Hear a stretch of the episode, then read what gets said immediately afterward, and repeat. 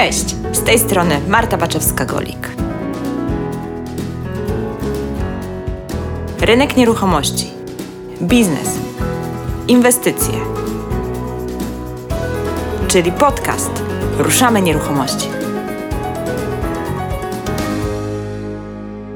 Zaczynając własną agencję, jasno trzeba sobie powiedzieć, że wszystkiego w pierwszym roku mojej agencji nie jestem w stanie zrobić od razu.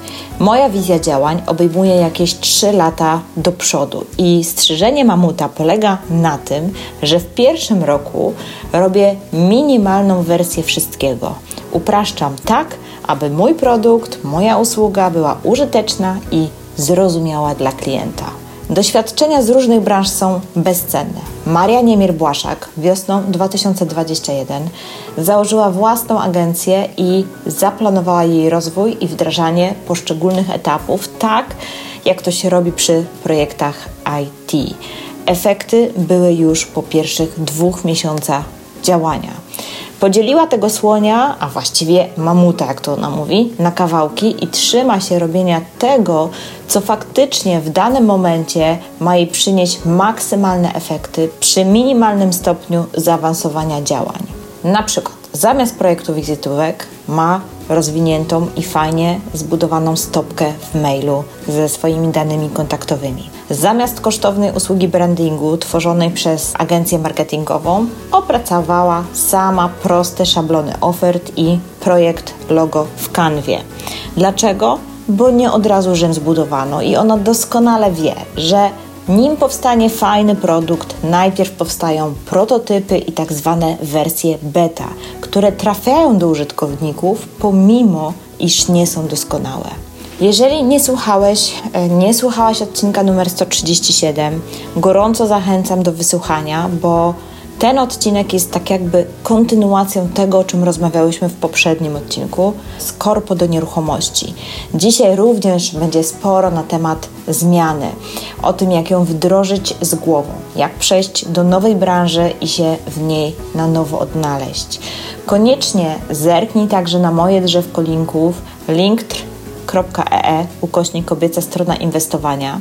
Znajdziesz tam link do pobrania PDF-u 10 kroków do własnej agencji nieruchomości, który pomoże Ci poukładać całą wiedzę, jaką przekażemy Tobie w tym odcinku oraz znajdziesz tam linki do bieżących wydarzeń, jakie organizuję na żywo. A ciągle coś się u mnie dzieje, bo nudzić się nie lubię.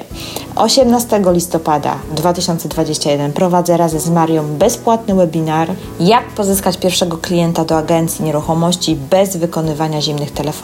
27 listopada rozpoczynamy na żywo kurs Ruszamy Agencję Nieruchomości, więc jeżeli chcesz zostać agentem na swoim, we własnym biurze, we własnej agencji, na własnych zasadach, to koniecznie skorzystaj z okazji, dołącz do kursu Ruszamy Agencję Nieruchomości, e, bo do 18 listopada 2021 obowiązuje promocyjna cena.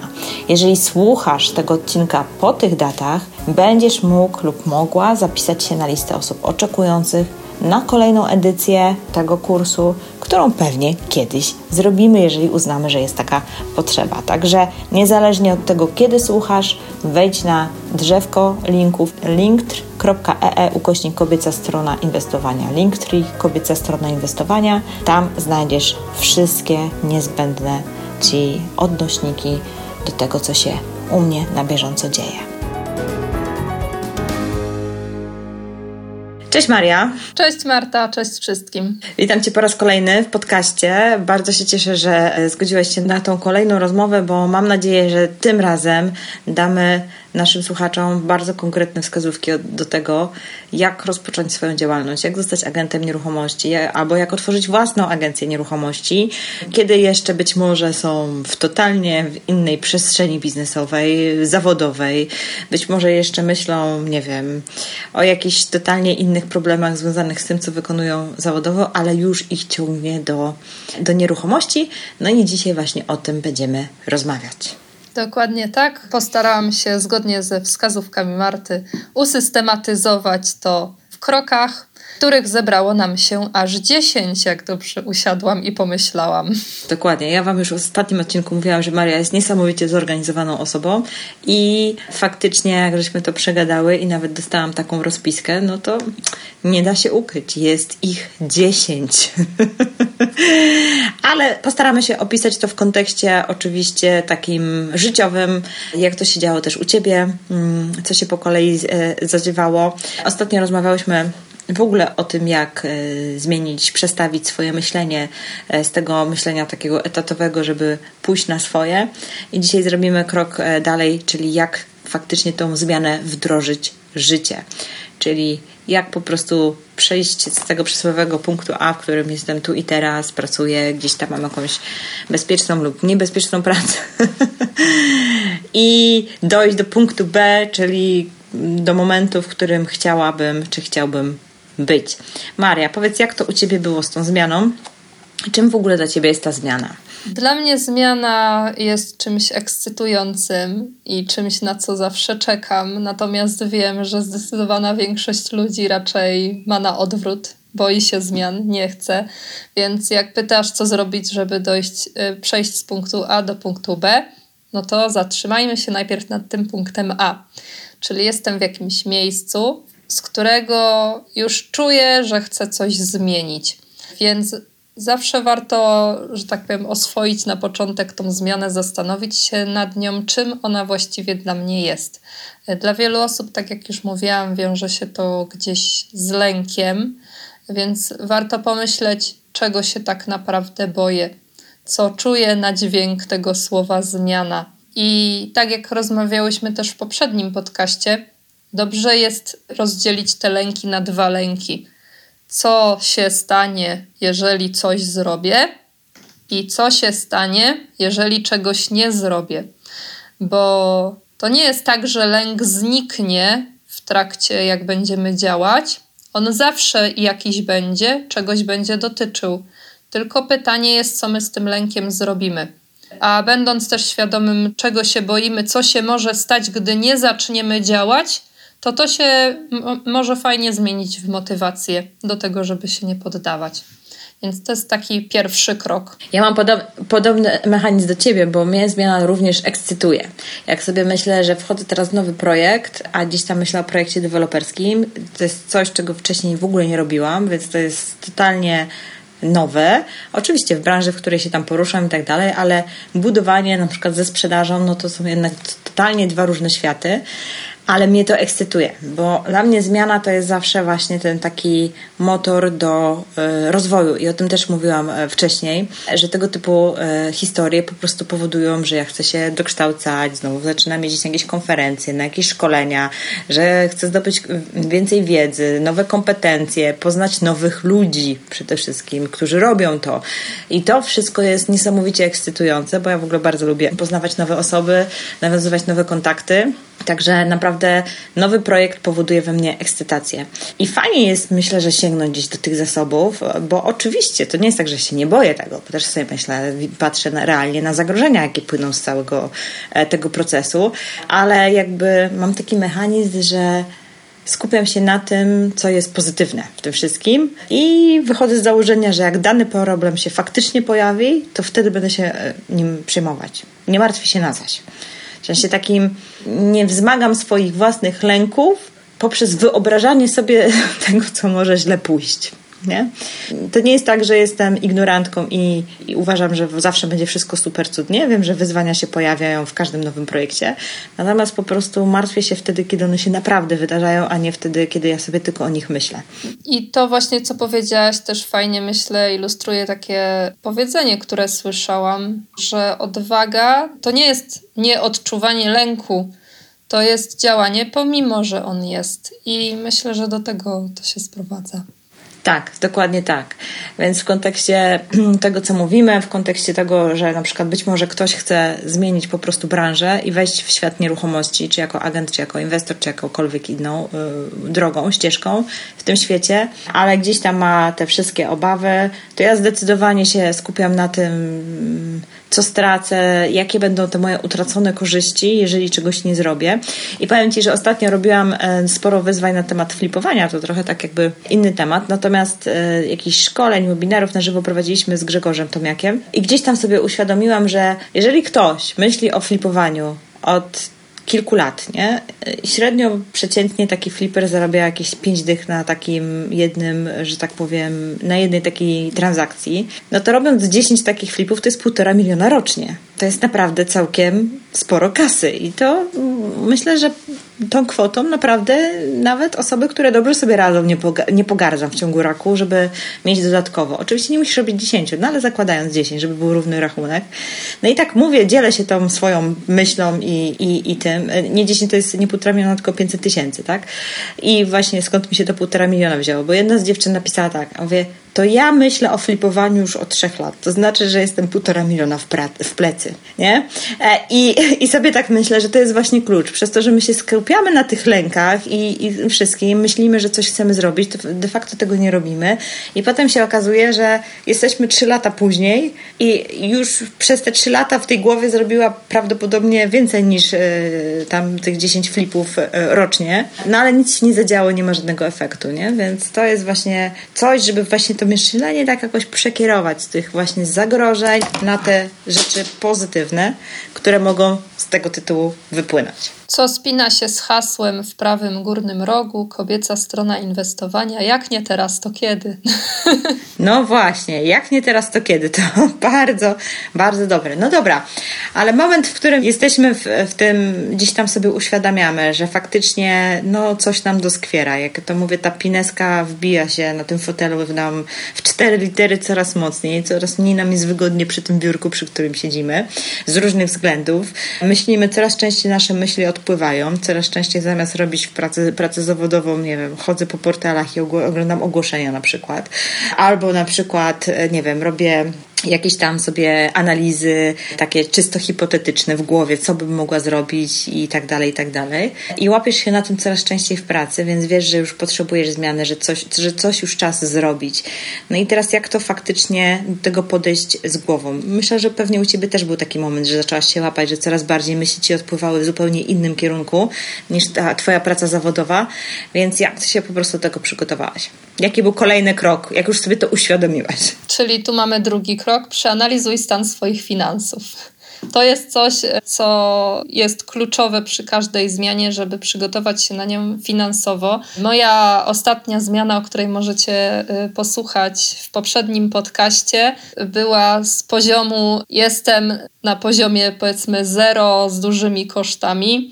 Natomiast zdecydowanie nie polecam tej drogi. Warto się przygotować finansowo, ponieważ przykładowo, jako agenci nieruchomości, oczywiście musicie podnieść pewne koszty na początek, to jest jasne, trzeba kupić polisę OC.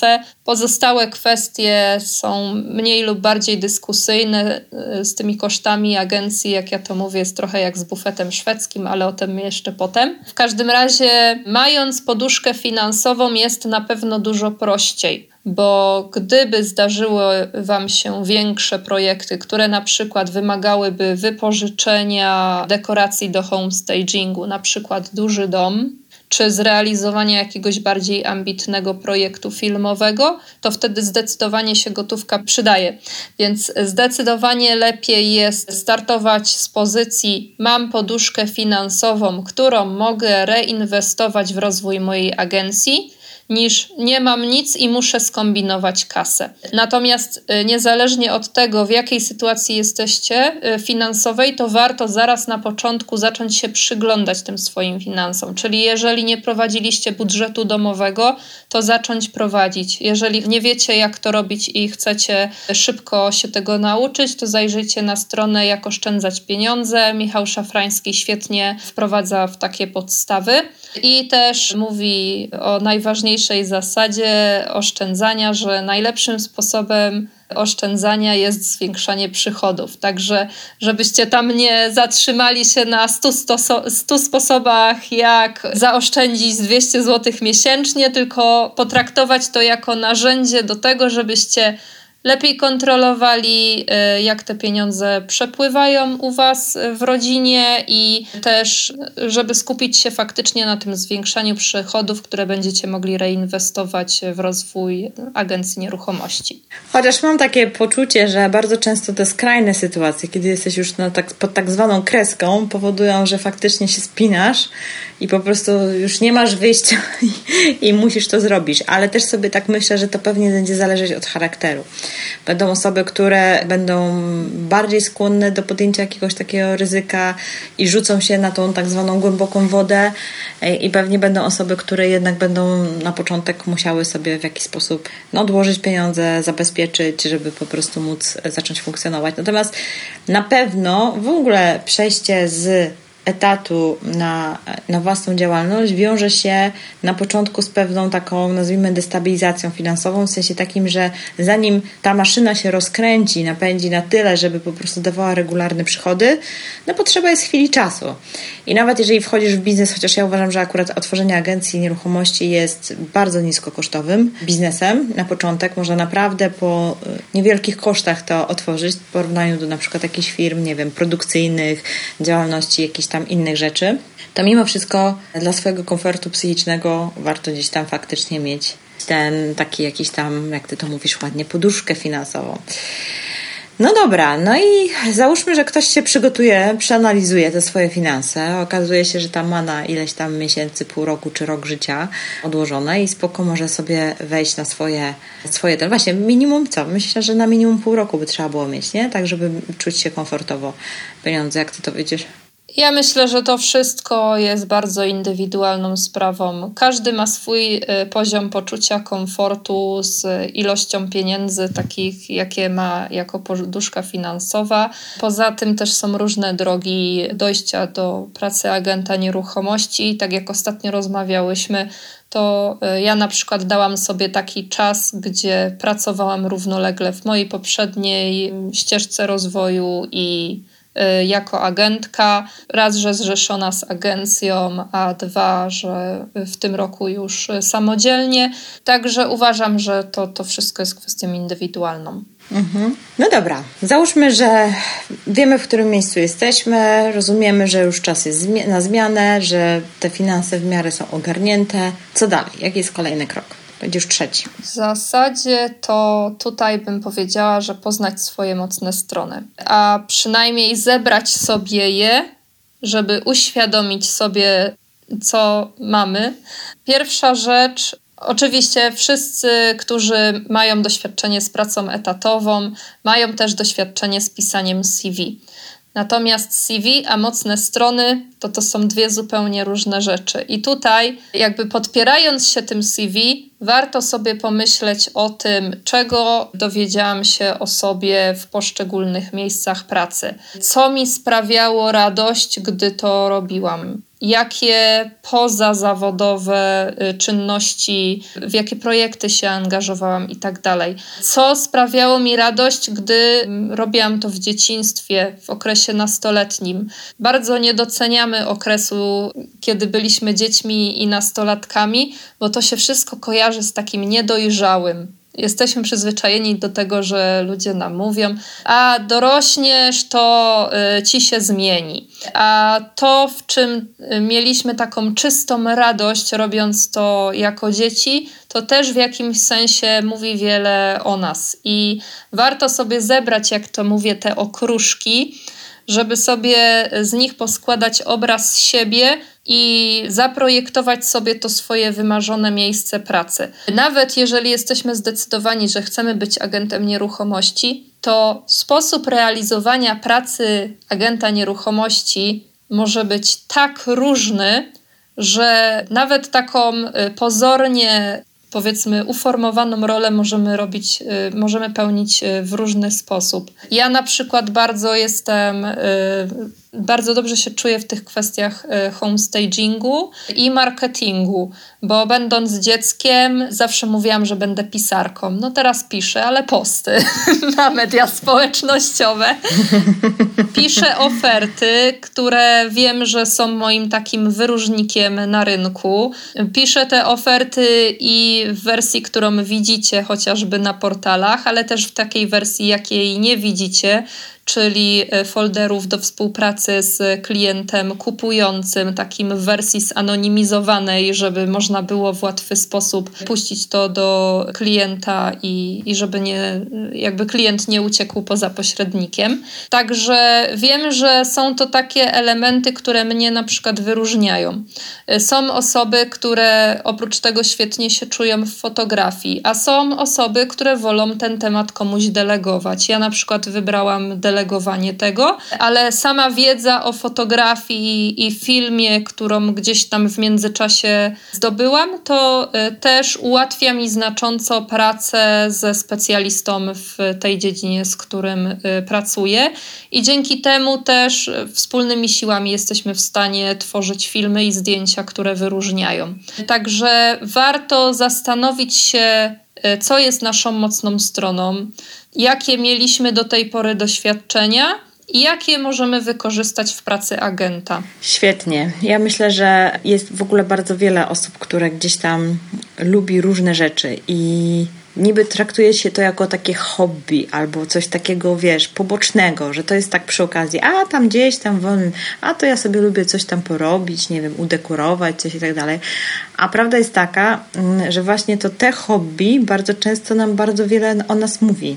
Nie? Do czego mamy dryg, do czego mamy smykałkę, co nam przynosi właśnie taką radość, satysfakcję. No bo umówmy się, jeżeli poświęcasz swój wolny czas na robienie na przykład jakichś tam mebli z drewna albo y, jakichś tam przestawiania mebli w pokoju, dekoracji i tak dalej. Jest bardzo dużo osób, które e, regularnie raz w miesiącu czy tam co dwa miesiące robi totalne przemeblowanie w pokojach i tak dalej. No to powiem szczerze, to coś mówi o tobie nie? że to gdzieś tam jest w tym jakiś temat do, do ogarnięcia. Warto to zauważyć. I to się bardzo fajnie przekłada e, na, na pracę w nieruchomościach, zwłaszcza w pracy w sprzedaży w nieruchomościach, bo faktycznie my potrzebujemy tutaj to wszystko fajnie sobie poukładać.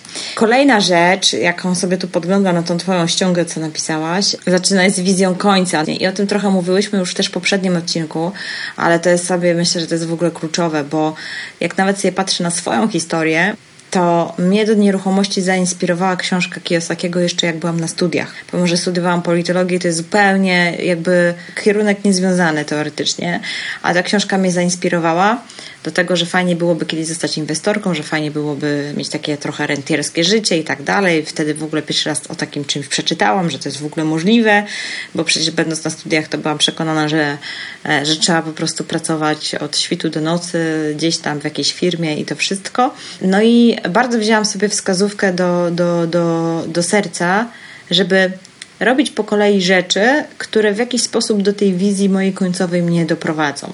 Czyli zaczęłam pracować w banku w kredytach hipotecznych, potem poszłam pracować do kogoś do biura e, w agencji nieruchomości, potem zaczęłam e, w tej agencji, najpierw specjalizowałam się w rejonie, potem zaczęłam obsługiwać głównie inwestorów, bo chciałam nauczyć się jak oni myślą, potem zaczęłam im robić e, zarządzanie jakimiś tam ich nieruchomościami Oprócz tego, że im pomagałam znajdywać i zakupować, to, to również później im zarządzałam tymi nieruchomościami, no i tak dalej, i tak dalej. Czyli tak jakby te wszystkie jakby kroki moje, które, które poczyniałam po, po drodze, no miały mnie doprowadzić do tego, żeby zacząć samodzielnie inwestować i tak zresztą się stało. I teraz sobie tak myślę, że jeżeli robisz cokolwiek w swoim życiu, no to fajnie jest faktycznie mieć tą wizję końca, bo wtedy wiesz, w jakie projekty jest sens się angażować. I nawet jeżeli one są na razie takim krokiem pośrednim, to one ci są potrzebne do tego, żeby właśnie zdobywać to doświadczenie i wiedzę, którą później, która, dzięki której będziesz mógł robić, czy mogła robić to, co chcesz finalnie osiągnąć. Tylko, żeby tak się zadziało, to trzeba wiedzieć, co chcesz robić finalnie. Tak, bo w zasadzie y, dochodzenie do tego rezultatu opiera się na tym, że po drodze pozyskujemy doświadczenie i wiedzę, które jest nam niezbędne do tego, żeby zrealizować ten nasz zamierzony cel. Czyli bez tego celu po prostu no, nie y, zaplanujemy dobrze tej ścieżki. Czyli też stwarzamy sobie wtedy taką przestrzeń, żeby usiąść, ok, brakuje mi tego i tego. Co muszę zrobić? Aha, znaleźć sobie taki kurs. A poznać y, kogoś, kto robi konkretnie to i to. I w ten sposób to możemy przekładać łatwo na działania. Natomiast podstawa, żeby wiedzieć, do czego chcemy dojść. Tylko tyle, że tak. Jak zaczynamy sobie myśleć, to nieraz jest tak, że nagle nam rośnie taka wielka wizja. Patrzysz, a tu nagle plan dziesięcioletni, nie? I już i sama myśl już cię przeraża, nie? Nigdy tego nie osiągnę. Dokładnie. Więc tutaj, gdy osiągniemy ten etap, to ja w tym momencie polecam krok wstecz Wiadomo, różowe okulary są piękne, ale na te okulary trzeba sobie jeszcze nałożyć filtr minimalnej wersji wszystkiego. To jest e, coś, co ja sobie zaczerpnęłam e, z IT. W IT mamy minimalną wersję produktu. Chodzi o to, żeby e, w, w miarę krótkim czasie dostarczać funkcjonalności, które są niezbędne użytkownikom, po to, żeby nie przedrażać i nie przedłużać procesu rozwoju oprogramowania programowania, aplikacji, czegokolwiek. I z tego punktu widzenia staram się też oceniać wszystkie moje działania, czyli jeżeli staję przed dylematem, czy jako pośrednik chcę zająć się projektowaniem wizytówki, czyli logo, projekt wizytówki, co trzeba zlecić, zaakceptować, zlecić wydruk, mieć jakiś tam wizytownik i tak dalej, to zanim ja rzucę się w wir wykonywania tych czynności, to myślę, Maria, halo, po co ci jest wizytówka? Funkcją wizytówki jest przekazanie kontaktu do siebie, tak żeby ten klient miał, czy tam potencjalny klient miał mój kontakt i go nie zgubił.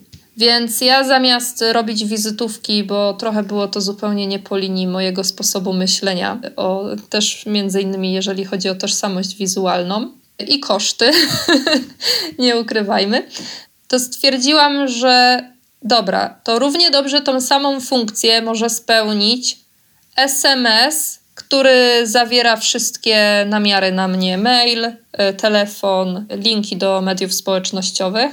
Tą samą funkcję spełnia stopka w mailu, czyli jeżeli ktoś chce numer do mnie, pyta mnie o wizytówkę, a wiesz, nie mam teraz przy y, sobie wizytówki, ale to podaj mi do siebie numer, to ja do ciebie zadzwonię i dzwonię, wysyłam SMS z namiarami na mnie. Albo mogę y, to samo zrobić przez maila. I tak naprawdę y, taka forma przekazu daje ten sam efekt, bo przekazałam skutecznie dane do mnie, a nie ponoszę żadnego kosztu. I zobacz, ile czasu zaoszczędziłam. Mhm. A w ogóle myślę, że to jest taka pułapka, e, po pierwsze, perfekcjonizmu, po drugie, pułapka takiego myślenia, że, że musi być wszystko takie zapięte na ostatni guzik. I w ogóle generalnie jeden z największych powodów, których firmy opadają i w ogóle jakoś tam startupy nie idą, to dlatego, że właśnie po prostu chce się stworzyć taki perfekcyjny produkt. Nie? W naszym przypadku, jeżeli mówimy o agencji, no to może być właśnie ta, ta, ta wizualizacja zewnętrzna, typu wiesz, teczki, wizytówki, banery, to tamto, siamto i tak dalej. Możemy zbyt mocno się do tego przywiązać na start, żeby po prostu zacząć. Ja pamiętam, jak myśmy otwierały mm, z y, Martą kobiecą stronę inwestowania, myśmy przez ponad półtora roku w ogóle nie miały swojej strony internetowej. Tylko działałyśmy na prostych landing page'ach. Też nadal nie mam strony internetowej. Kolejna rzecz, też chyba z półtora roku nie miałyśmy loga. Bo myśmy, ludzie na początku, w ogóle myślę, że w, w pracy takiej, gdzie tak naprawdę mamy kontakt bezpośredni, to ty jesteś najważniejsza. Nie logo, nie wizytówka, nie coś tam. To jest kontakt z tobą jest najistotniejszy. I te wszystkie, ja nie chcę powiedzieć, że mamy tego w ogóle nie robić albo nie mieć i tak dalej, bo to gdzieś to jest to jakaś konsekwencja, ale trzeba zacząć, trzeba pozyskać pierwszych klientów i równolegle gdzieś tam o tym wszystkim myśleć. I to, co jest w ogóle też istotne, że na początku, jak zaczynamy, to tak naprawdę do końca nie wiemy, w jakim kierunku w ogóle pójdzie ta nasza marka, co my chcemy do końca zrobić, jak to, znaczy wiemy, gdzie chcemy być, bo zaczyna z wizją końca, to mówiliśmy o tym, ale tak do końca jaki będzie charakter tej naszej marki i tak dalej, to się w ogóle też zmienia i naprawdę jak popatrzycie na wiele firm, nawet takich dużych, no to ile firm przeszło rebranding tak zwany, nie? Bo po prostu gdzieś tam w procesie e, tworzenia pojawiają się nowe koncepcje, nowe, nowe pomysły, mm, więc myślę, że takie bardzo mocne skupianie się na tego typu detalach odciąga od tego, co jest najważniejsze, czyli od tego, żeby zacząć, żeby pozyskać pierwszych klientów, zarobić pierwsze pieniądze, zdobyć zaufanie przede wszystkim, tak, e, do, do, do, do siebie.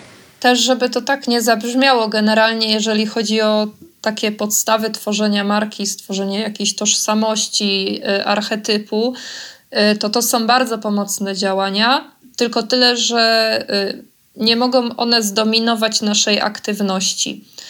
To znaczy, warto mieć świadomość, w jakim punkcie teraz jesteśmy i jak teraz to widzimy. Natomiast trzeba mieć też e, świadomość, że z czasem rozwijając firmę też będziemy e, dochodzić do nowych rzeczy, o których teraz nie wiemy. Więc jest to bardziej jako taka ewolucja a e, nie rzecz raz nadana, wyryta w kamieniu i nic więcej już z tym nie ruszymy, więc trzeba się do tego tak naprawdę teraz przyłożyć.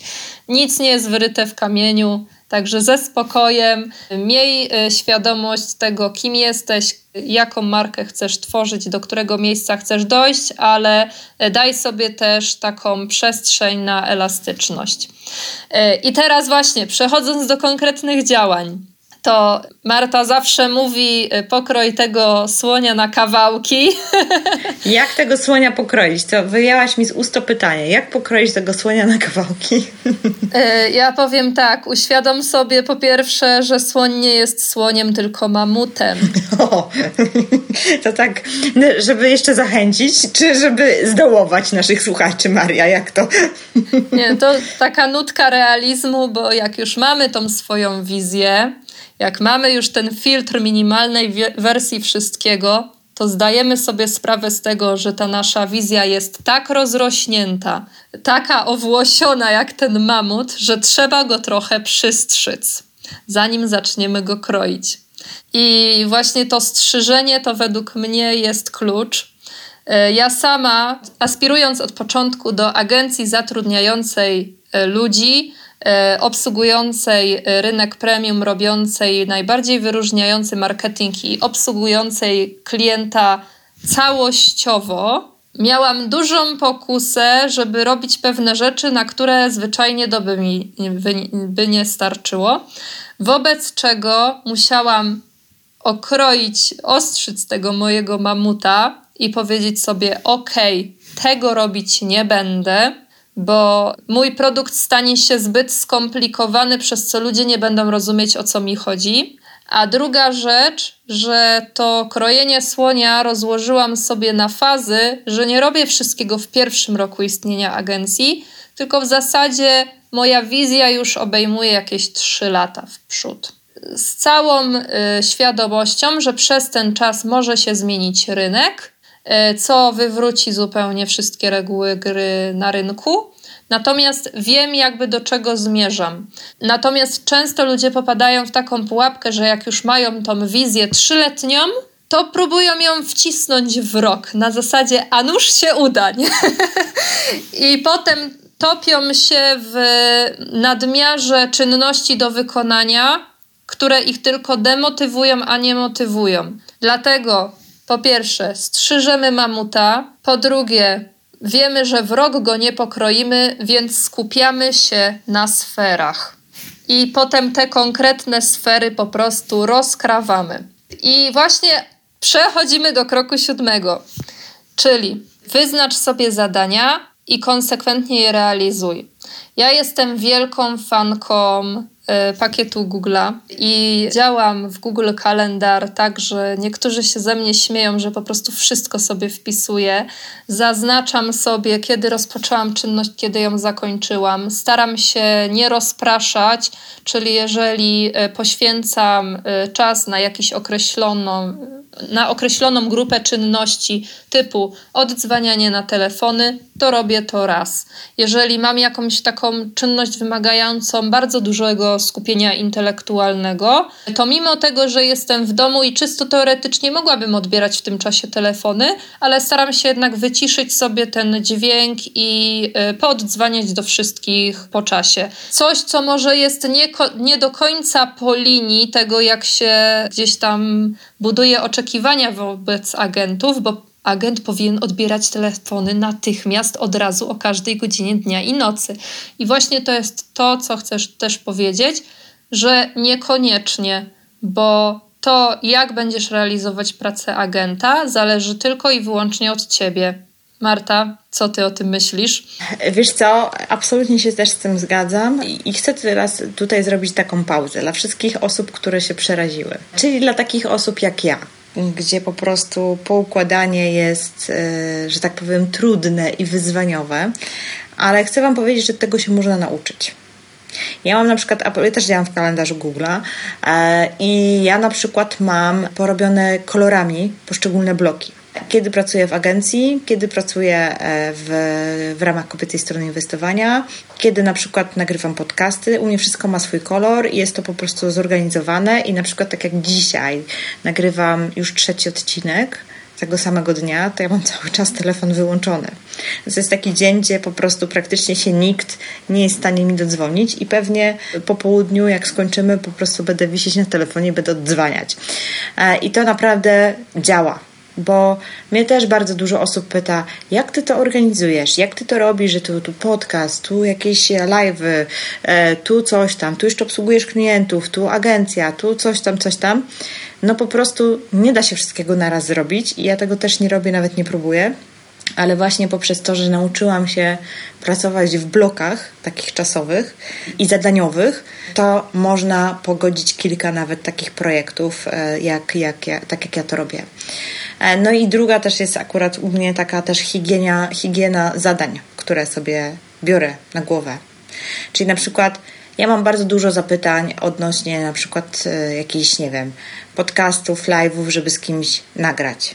I super, fajnie, ale biorę tylko te tematy, które są, tak jakby współgrają z moją obecną Y, polityką publikacji, z tym, co mi pasuje. Jeżeli ja mam, miałam w zeszłym miesiącu temat flipów przewodni, to ja nagrywałam tylko podcasty związane z flipami, na przykład, czy tam live'y, czy pisałam jakieś posty, czy wpisy i tak dalej. Jeżeli teraz na przykład z Mario mamy temat przewodni pośrednicy nieruchomości, no to teraz będą się pojawiać odcinki związane z pośrednictwem nieruchomości. Z Marią nagrałam dwa odcinki, dzisiaj jeszcze nagrywałam trzeci odcinek na temat tego, jak obsługiwać rynek pierwotny i rynek e, wtórny, na przykład jako, jako agencja nieruchomości. Więc ten temat jest jakby taki przewodni, ale na przykład dzisiaj napisała do mnie dziewczyna, że ona tam flipuje, czy coś tam i czy ona by mogła ze mną jakiś tam też wywiad zrobić. Nie, nie biorę takich rzeczy. Może kiedyś, może za jakiś czas, bo ja już temat flipów zajęłam, e, zakończyłam w zeszłym miesiącu i teraz to nie jest czas na flipy, nie?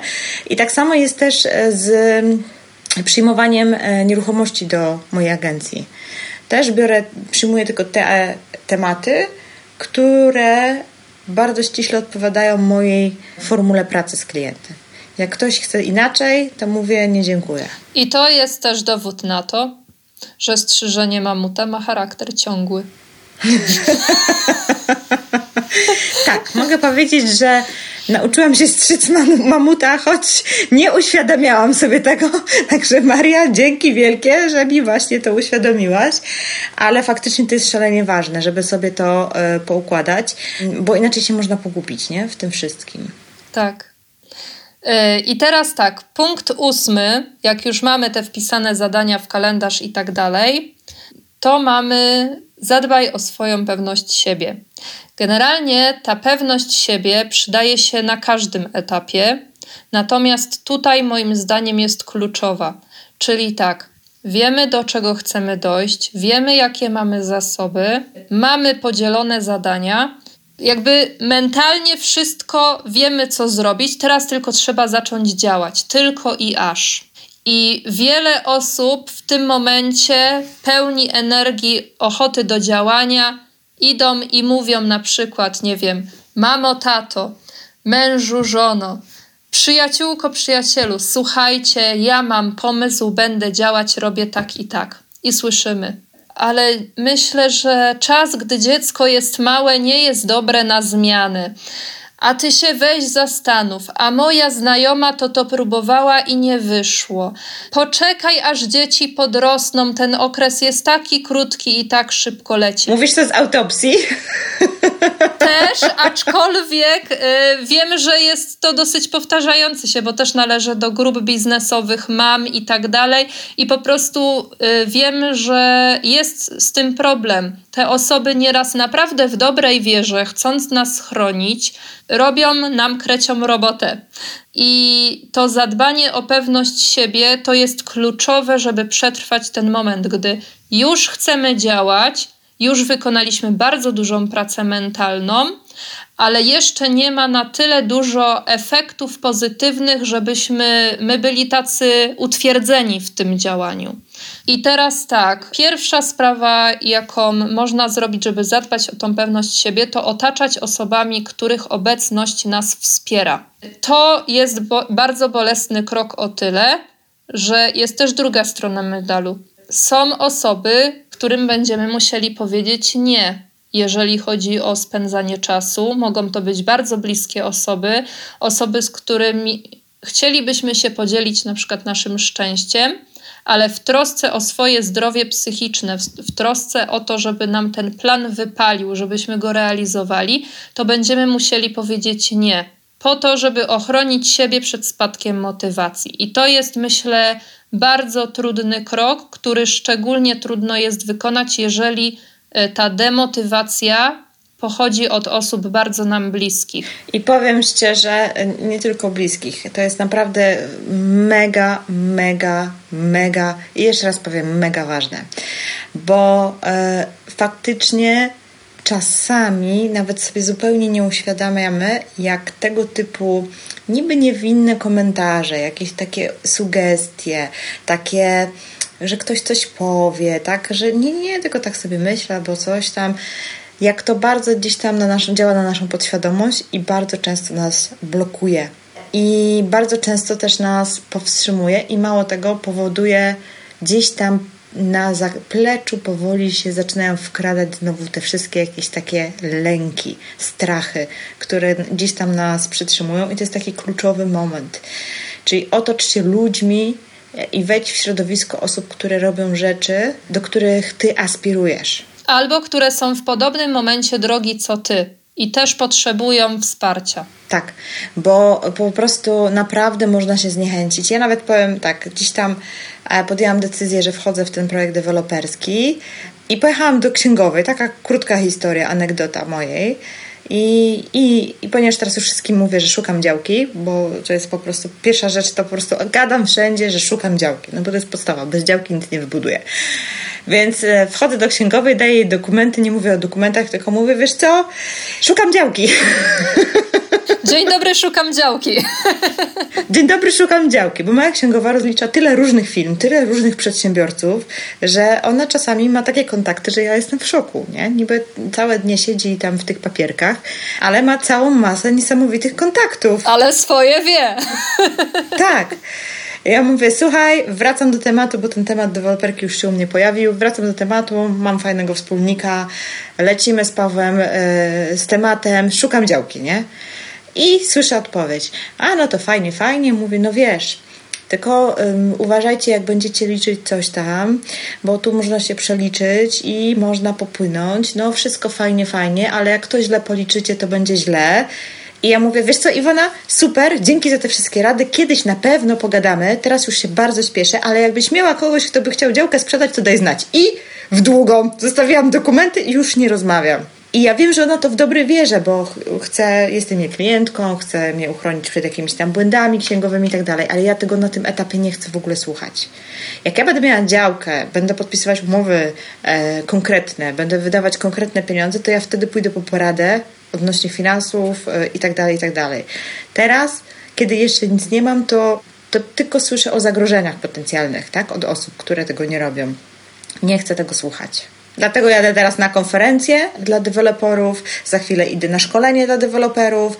Pomimo, że już przeszłam kilka szkoleń dla deweloperów, pójdę na kolejne, po to, żeby znowu wejść w to środowisko, po to, żeby być, otaczać się ludźmi, którzy myślą o projektach, o nich dyskutują i w nich, że tak powiem, funkcjonują. Także to jest naprawdę szalenie ważne. Mhm. Warto pomyśleć sobie, że te nasze lęki, one i tak w trybie czuwania są. To nie jest tak, że nawet jak ich nie czujemy, to ich nie ma. One są w trybie czuwania. I zwracajmy uwagę, co z tego trybu czuwania je wybudza. Jakie okoliczności, czy nie wiem, na przykład gdy jesteśmy e, niewyspani, głodni, spragnieni, gdy spotykamy się z konkretną osobą, gdy czegoś brakuje. Zwracajmy uwagę, kiedy się nam te lęki uaktywniają i zadbajmy o swoje potrzeby w tym względzie. I to jest też coś e, bardzo istotne, wydaje mi się. Zdecydowanie tak. Jeszcze jedna rzecz odnośnie pewności siebie. Warto zadbać o swój wygląd. Wiadomo, że różna może być nasza pozycja startowa przy zmianie, chociażby pod względem finansów. Natomiast e, zadbanie o swój wygląd czasami nie potrzebuje dużego kosztu i można to robić sukcesywnie raz po raz. I gdy wyglądamy lepiej, czujemy się lepiej. Gdy coś zmieniamy w sobie zewnętrznie, zmienia się też to, co jest wewnątrz nas, nasz sposób myślenia i w ogóle. I to jest też ważne, szczególnie w kontekście kolejnego punktu. Ach, no tak. Tak. I sobie, ja, ja, ja, ja, ja przeczytam, ja tam przeczytam, bo mi się on po prostu od razu rzucił w oczy i to jest mój ulubiony punkt. I zwłaszcza tutaj mówię do wszystkich osób, które naprawdę planują zostać agentem nieruchomości. Pracuję z takimi osobami, które przychodzą do mnie na mentoring, e, przechodzą kurs i mają z tym ogromne wyzwanie. A kolejny punkt brzmi dam, dam, dam, dam, pokaż facjatę. Jeżeli chcesz wejść w sektor usług i chcesz po prostu pomagać ludziom w sposób bezpośredni, to nie ma w ogóle możliwości, żeby się nie ujawnić, żeby to robić po prostu z ukrycia. Trzeba się odważyć, wyjść do ludzi, pokazać i tutaj w różnych, na różnych przestrzeniach. Bardzo dużo osób, które do mnie przychodzi, to są osoby, które nawet nie mają zdjęcia profilowego na Facebooku albo jakieś takie fikcyjne memy w, w tych zdjęciach. No, absolutnie nie może tak być, e, jeżeli chcesz po prostu być w sektorze usług. Tak. Pokazanie y, twarzy jest ważniejsze niż pokazanie logo. Bo po pierwsze, to co mamy wyrysowane na twarzy, to jest odzwierciedlenie nas, tego jakie mamy usposobienie, jakimi ludźmi jesteśmy. I pośrednictwo nieruchomości to tak naprawdę nie jest łączenie nieruchomości, praca z nieruchomościami, tylko praca z ludźmi, którzy stoją za tymi nieruchomościami. Pracując z człowiekiem, trzeba pokazać ludzką twarz, i to jest po prostu podstawa. Poza tym, lubimy robić interesy z osobami, które znamy. Generalnie naszym mózgom, tak na takim biologicznym poziomie, podoba się to, co już kiedyś widzieliśmy. Więc dużo łatwiej jest nawiązać relacje z na przykład kupującym, sprzedając daną nieruchomość, jeżeli ten kupujący już wcześniej nas widział na spocie reklamowym, na y, mediach społecznościowych, ale żeby on miał kontakt z naszą twarzą, zanim otworzymy mu drzwi od nieruchomości i powiemy: Miło poznać, zapraszam do tego mieszkania, to my też musimy wystawiać tą swoją twarz w y, miejscach, w których ta osoba może nas spotkać. I to jest po prostu mega ważne. Tak, to bardzo buduje zaufanie, naprawdę e, bardzo i, no i rozpoznawalność. Zwyczajnie w świecie, jak taka osoba ileś razy Ciebie zobaczy w kontekście nieruchomości, to potem jak przyjdzie do podpisania umowy pośrednictwa naprawdę pójdzie dużo, dużo łatwiej. I uwierzcie mi, to się przekłada na wszystko, na polecenia, na, e, na współpracę, na chęć podpisania umowy, na wyłączność, absolutnie na wszystko. I generalnie prowadząc biznes w XXI wieku, e, nie da się go budować moim zdaniem bez mediów społecznościowych, e, przynajmniej taki, no nie wiem, może są branże, w których się da, ale trudno mi znaleźć przykład. E, w każdym razie e, na mediach społecznościowych e, algorytmy premiują te, które mają twarze. I tego się po prostu nie przeskoczy. Nie da się zbudować biznesu nieruchomościowego na samych zdjęciach nieruchomości, bo się po prostu nie będzie niosło. Tak, koniec, kropka. No, ale to jest warunek w ogóle budowania marki osobistej, a tutaj jest bardzo ważne w tym zawodzie, żeby tą markę sobie zbudować. Maria, i przechodzimy tym sposobem do ostatniego kroku. I tutaj ładnie tak nazwałaś to uwolnij czas odważnie i kreatywnie. Co miałaś na myśli? E, wiesz, co miałam na myśli, to że e, w strzyżeniu naszego mamuta e, musimy być konsekwentni i, i działać, a żeby działać, potrzebujemy czasu. Kasę zawsze się skombinuje, jak ja to mówię. Natomiast czasu nie zyskamy więcej niż go mamy, bo po prostu jest on totalnie poza kontrolą. Mówi się czasem ładnie, że można zarządzać czasem. Nie, czasem nie da się zarządzać. Zarządza się sobą w czasie. I to jest bardzo istotne, żeby działając, wybierać tylko te aktywności, które nas przybliżają do celu, a nie oddalają. Tutaj y, ważne jest to, o czym mówiłyśmy, czyli dobieranie ludzi, dobieranie projektów, y, ale też taka ogólna świadomość y, wartości tego, co my uznajemy za istotne w biznesie. I tutaj chciałam podpowiedzieć taką książkę, firma czyli ty, która w bardzo fajny sposób y, pokazuje, jak projektować biznes, który będzie nam sprawiał przyjemność, bo wiem, że wiele osób też mierzy się z takim problemem, że zaczynają działać, a potem ich firma, którą stworzyli, staje się ich największym wrogiem, bo działają y, niezgodnie z tym, jaki chcieliby wieść styl życia, niezgodnie z wartościami, ze wspólnikami, z którymi się dziwią, że nawiązali współpracę, bo mają zupełnie różne wartości, kłócą się i w ogóle. To w tym działaniu też musimy cały czas znaleźć czas na takie spojrzenie z góry. Czy to, co robię, szerzej nie tylko przybliża mnie do, ty, do celu, który sobie stawiam, ale czy przybliża mnie do tego, żeby prowadzić życie zgodnie z sobą i prowadzić w tym życiu firmę zgodnie z sobą. I na to jest potrzebny też czas. Ja to nazywam, e, nazywam biznesem na własnych zasadach i faktycznie to jest coś, co ja bardzo lubię w przedsiębiorczości, że te zasady ustawiasz sobie sam. Tylko znowuż trzeba trochę tutaj wrócić do tego punktu, zaczynając z wizją końca, trzeba mieć e, wizję tych zasad, bo mam takie wrażenie, że my bardzo często w pogoni za tym pierwszym klientem, w pogoni za tą pierwszą transakcją, gdzieś tam tak jakby lekceważymy swoje własne zasady. Na zasadzie takiej, dobra, to od następnego klienta. Czasami jest to faktycznie trudne, ale warto się trzymać tych własnych zasad, to procentuje później naprawdę takim spokojem, niesamowitą transparentnością i przejrzystością wobec klientów i tym, że po prostu e, funkcjonujemy. I zwłaszcza w tym naszym zawodzie agenta nieruchomości, te zasady są bardzo, bardzo istotne na jakich zasadach my pracujemy, w jakich zasadach obsługujemy klienta, na jakich zasadach pobieramy prowizję.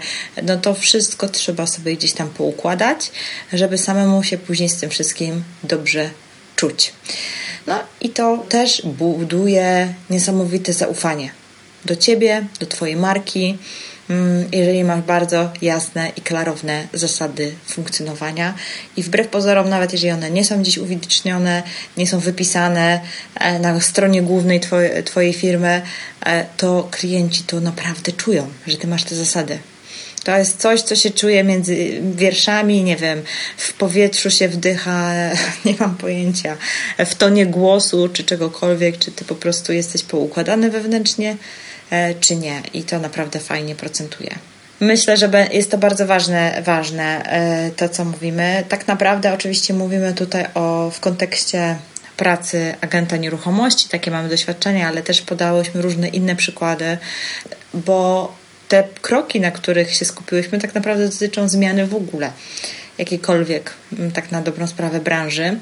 Więc e, myślę, że przydać się mogą każdemu, kto jest na etapie właśnie takiej jakiegoś przebranżawiania, zmiany e, swojego życia, nie tylko zawodowej, tak na dobrą sprawę, aczkolwiek no, w kontekście zawodowej tu mówiliśmy. Przypomnę tylko, że na moim Linktree, link.ee ukośnik kobieca strona inwestowania znajdziecie link do e, pobrania no, takiego materiału, który sobie nazwałyśmy 10 kroków do rozpoczęcia pracy w zawodzie agenta nieruchomości. Tam przełożymy te kroki, o których tutaj mówimy, powiedziałyśmy, na takie naprawdę już też konkretne działania związane z pracą agenta. Więc jeżeli słuchasz tego odcinka i jest to inspirujące, to zachęcam do pobrania również tego materiału. Będzie to wszystko pięknie spięte w jedną całość, poparte przykładami z życia agenta i e, z historii też Marii, która jest na świeżo po zmianie właśnie tej branży, e, na świeżo otwiera swoją własną agencję, więc pamięta znacznie więcej niż ja z tego, jak to jest, e, jak się zaczyna praca agenta. E, cóż jeszcze? Też e, planujemy i webinar wspólny poprowadzić z Marią. Planujemy również e, zrobić wspólną edycję szkolenia dla agentów nieruchomości. Jak pobierzesz ten materiał, to na pewno będziemy wysyłać maile z tą informacją, kiedy to będzie. Myślę, że pierwszą edycję na pewno poprowadzimy na żywo. Być może kolejne nagramy, a być może w ogóle zrobimy jeszcze coś innego. Zobaczymy, jak to wszystko pójdzie. Jesteśmy na etapie planowania. Mamy wizję, a resztę doplanujemy. Jeszcze chciałam powiedzieć, że live'y będą na Facebooku, to, to też może warto wspomnieć. Tak, live'y, webinar, wszystkie linki, tak jak mówię, na Linktree znajdziecie, ale też jeszcze chcę powiedzieć słów kilka na temat tego szkolenia dla agentów. Jeżeli myślicie o tym, żeby zostać agentem, to ja pomimo całego swojego doświadczenia, które mam w tej pracy od 2000 y, chyba siódmego czy ósmego roku, już nie pamiętam nawet sama, kiedy to było, ale już dawno, to poprosiłam Marię, żeby, e, żeby ze mną współtworzyła to szkolenie, właśnie dlatego, że jesteś, Maria, takim świeżym, że tak powiem, powiewem dla mnie. E, i, no i też nie ukrywam, że takim konkretnym case study e, po, po tych szkoleniach, które już przeszłaś i mentoringu ze mną, ale też przede wszystkim masz to takie spojrzenie świeżości i co się teraz dzieje na rynku, kiedy wchodzisz jako tak zwany no-name, kiedy jeszcze nie jesteś rozpoznawalnym agentem i ty zrobiłaś genialną rzecz, jeżeli chodzi o marketing i rozpoznawalność. I, I, jest to już absolutnie nowoczesny marketing. I śmiem twierdzić, że na żadnym, że tak powiem, szkoleniu zawodowym organizowanym przez różnego rodzaju organizacje nie dowiecie się takich rzeczy, co się dowiecie od Marii, bo ona praktykuje naprawdę nietuzinkowy e, marketing. Jak jesteście ciekawi, to wejdźcie koniecznie na jej profil kierunek nieruchomości, bo tam znajdziecie masę materiałów materiałów, masę inspiracji, masę filmów i różnych e, rzeczy, które, które kręci do promocji swoich nieruchomości właściwie w kilka miesięcy, tak jak mówiłaś, zwróciły ci się, rozwiązały ci się wszystkie twoje problemy w zeszłym odcinku, po poprzednim odcinku to opowiadałaś. Właśnie w, jako praca, jako agent nieruchomości, pracując na własnych zasadach, we własnym biznesie i tego chcemy was uczyć na tym szkoleniu. Dlatego ja się podzielę całym moim doświadczeniem i wiedzą z zakresu obrotu nieruchomościami, a Maria tą taką świeżością marketingową, którą wprowadziła do swoich działań no, jako agent agencja nieruchomości i którą też zaczerpnęłaś tak naprawdę ze swoich doświadczeń z innych firm, które totalnie nie są związane z naszą branżą. Także śmiem twierdzić, że będzie to coś zupełnie nietuzinkowego, coś czego na rynku nie ma i my, ponieważ jesteśmy, Maria jest perfekcjonistką, ja jestem wizjonerką, więc to będzie po prostu petarda. I tak różne wspólnym akcentem.